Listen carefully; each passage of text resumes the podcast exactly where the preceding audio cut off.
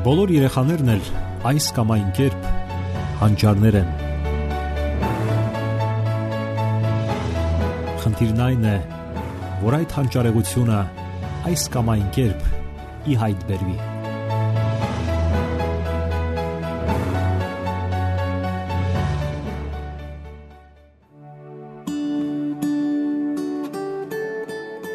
Բարև ձեզ սիրելի ռադիո լսողներ, եթերում դասերակցություն հաղորդաշարն է։ Որոշ երեխաներ ծնվում են բացահայտ ստեղծագործական ունակություններով, իսկ ահա որոշներն էլ կյանքի ընթացքում են այդպիսին դառնում, մտածված համապատասխան դասերակցական մեթոդների ու ջանքերի արդյունքում։ Այդպիսի երեխաները դեռևս դպրոց չգնացած արդեն կարողանում են գրել ու կարդալ։ 6 տարեկանում բախ են նվագում, 8-ում տիրապետում են մի քանի լեզուների, Դպրոցում եւ համալսարանում նրանց նախանձում են բացահայտ գերազանց ընտունակությունների համար։ Սակայն պատահում է նաև, որ ճանապարհի կեսին նրանք կանգ են առնում համապատասխան միջավայր կամ ճիշտ ընդունելություն չգտնելու պատճառով կամ սեփական տաղանդներն ու ընտունակությունները չզարգացնելու պատճառով։ Այսպիսի ուսումնասիրություն է անցկացվել ուսումնասիրել են գիտական տաղանդների, որոնումների, դափնեկիրների հետագա ճակատագիրը։ 50 տարվա ընթացքում հայտնաբերվել են ավելի քան 2000 վունդերկինգ դպրոցականներ։ Պարզվել է, որ նրանց ընդամենը 1%-ն է հետագայում իր գործունեությունը կապել գիտությունների ազգային ակադեմիայի հետ։ Վերոհիշյալ 2000 դափնեկիրներից 8-ը դարձել են Նոբելյան մրցանակակիր։ Իսկ համնացածը այդպես էլ չեն իրագործել իրենց ստեղծագործական հնարավորությունները։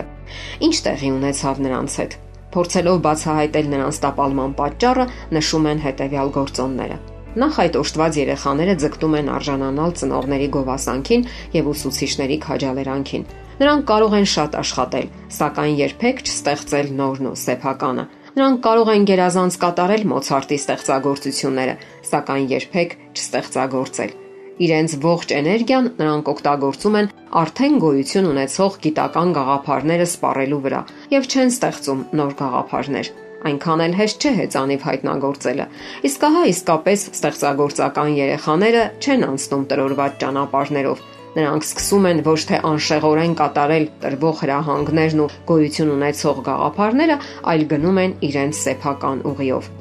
Հանճարեղ կամ տաղանդավոր երեխաների մեծ մասը ի վերջո դառնում է փորձագետ, հմուտ կատարող իր բնակավարում։ Դառնում են գերազանց մասնագետ այն բանում, ինչը գիտեն։ Իսկ ահա շատ փոքր մասն է, որ դառնում է նորարար կամ գյուտարար։ Այդպիսի բժիշկները օրինակ կարող են հիանալիորեն փրկել իրենց հիվանդների կյանքը, սակայն չփոխել գոյություն ունեցող սխալ սկզբունքները կամ առողջապահության համակարգը ինքնին։ Նրանք կարող են լինել իրավաբան եւ հիանալի պաշտպանել իրենց այցելուների շահերը, սակայն չեն փոխի ու չեն կարգավորի արդեն գոյություն ունեցող օրենքները։ Եվ այսպես, ինչ անել ստեղծագործական անznավորություն զարգացնելու համար։ Վերջերս մասնագետները ուսումնասիրել են եւ համեմատել այսպես կոչված սովորական եւ ստեղծագործող երեխաների տարբերությունները Պարզվել է, որ սովորական երեխաների ծնողները նրանց համար սահմանել են առնվազն 5-ից 6 կանոն, որին նրանք պետք է հետևեին իրենց կյանքում։ Իսկ ահա ստեղծագործական երեխաների ծնողները մեկ կանոնից ավելի չեն առաջարկել։ Դրա փոխարեն նրանք խրախուսել են իրենց երեխաներին մտածելու ինքնուրույն, ինչպես նաև շեշտը դրել են բարոյական սկզբունքների եւ արժեքների վրա։ Պետք է ընդունել նաև այն, որ այդպիսի ծնողների մեջ եւս ինչ որ եզակի ու առանձնահատուկ բան կա։ Եվ նրանք այդպես էլ դաստիարակել են իրենց երեխաներին, խրախուսել նրանց ունենալու իրենց սեփական եւ յուրահատուկ աշխարհն ու ընկալումները։ Այդ բոլորը նախադրյալներ են ստեղծագործական անznավորություն դառնալու համար։ Ամերիկացի հոկեբան Բենջամին Բլումը մանրակրկիտ ուսումնասիրել է նշանավոր երաժիշտների, նկարիչների, մարզիկների եւ գիտնականների վաղ զարգացման առանձնահատկությունները։ Նրան հաջողվել է ողրզել, որ նրանց ծնողները բոլորովին էլ չեն երազել երեխաներին սուպերաստղեր դարձնելու մասին եւ ոչ էլ խիստ վերահսկել են իրենց երեխաների կյանքը։ Ընթակառակը նրանց ծնողները շատ նրբորեն են արձագանքել իրենց զավակների ներքին դրթապաճառներին։ Երբ փոքրիկները հետաքրքրություն են դրսևորել որևէ բանի հանդեպ եւ պատրաստ են եղել զբաղվել դրանով, ծնողները անվերապահորեն քաջալերել են։ Այդպես է եղել Մոցարտի դեպքում։ Դեռ նախքան դասեր առնելը նա հետաքրքրություն է դրսևորել երաժշտության հանդեպ։ Այդպես է եղել ջազային դաշնակահար եւ կոմպոզիտոր Մերիլի Ուիլյամսի դեպքում։ Նա ինքնուրույն է սկսել դաշնամուր նվագել սովորելը, այլ ոչ թե ընդհակառակը։ Հետաքրքիր ուսումնասիրություն է կատարել նաև կանադացի լրագրող եւ սոցիոլոգ Մալքոլմ Գլաուդելը։ Նա ձևակերպել է այսպես կոչված 10000 ժամի կանոնը Մի շարք հետազոտությունների վրա հիմնվելով նա պնդում է, որ հանճար ոչ թե ծնվում են, այլ դառնում են համառ մարզումների շնորհիվ։ Նրա կարծիքով որևէ բնագավառում նշանավոր արդյունքների հասնելու համար անհրաժեշտ է գործնական 10000 ժամ։ Փորձերը ցույց են տալիս նաև, որ ստեղծագործական հաջող ինքնադրսևորման համար հարկավոր է նաև հետաքրքրությունների լայնություն, այլ ոչ թե գիտելիքների եւ փորձի խորություն։ Շատ գիտնականներ հաջողակ են նաև այլ բնագավառներում։ Ոչ մեկը չի ստիպում նրանց իրենց համար ընտրել այլ հետաքրքրություններ եւ նախասիրություններ։ Այդ առումով ուշագրավ է Էյնշտեյնի արտահայտած միտքը.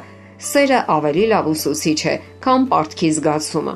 Ծնողները նրան տալիս են երաժշտական պարապմունքների։ Դա տևում է 6-ից մինչև 14 տարեկանը։ Այդ պարապմունքները նա համարում էր ձանձրալի եւ մեխանիկական զբաղմունք Սակայն մեծանալուն զուգընթաց նրա մեջ սեր է ծնվում երաժշտության հանդեպ։ Ահա թե ինչ է գրում նա. Ես սիրեցի երաժշտությունը այն բանից հետո, երբ 15 տարեկանում սիրահարվեցի Մոցարտին։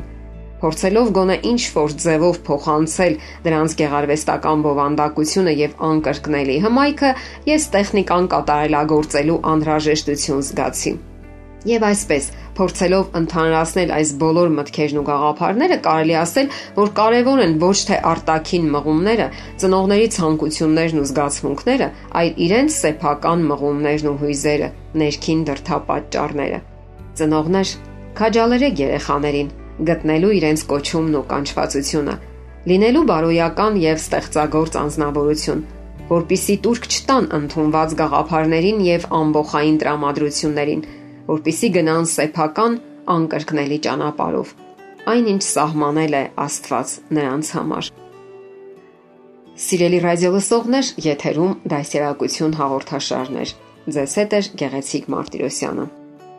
Ձեզ ուզող հարցերի համար կարող եք զանգահարել 093 00 63 27 կամ 094 93 55 77 հեռախոսահամարներով